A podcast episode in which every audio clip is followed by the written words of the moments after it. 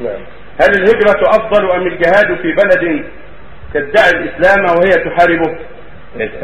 هل الهجرة أفضل أم الجهاد في بلد تدعي الإسلام وهي تحاربه؟ هذا يختلف. إذا كان هناك في البلد من يستطيع الجهاد ورد الباطل وإقامة الحق والميزان فهذا له شأن. هذا أفضل.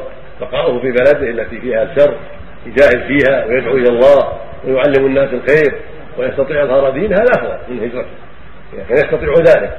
أما إذا كان لا يستطيع بل يقنع ويخشى ويخشى يخشى على نفسه فالهجرة له أولى من بقائه بين قوم يقهرونه على الباطل ويمنعونه من الحق ويخشى عليه من الفساد وانحراف القلب عن الهدى والميل إلى الدعة والسكون والراحة حتى يأنس بالشرك والفساد. ولا حول ولا قوة إلا بالله.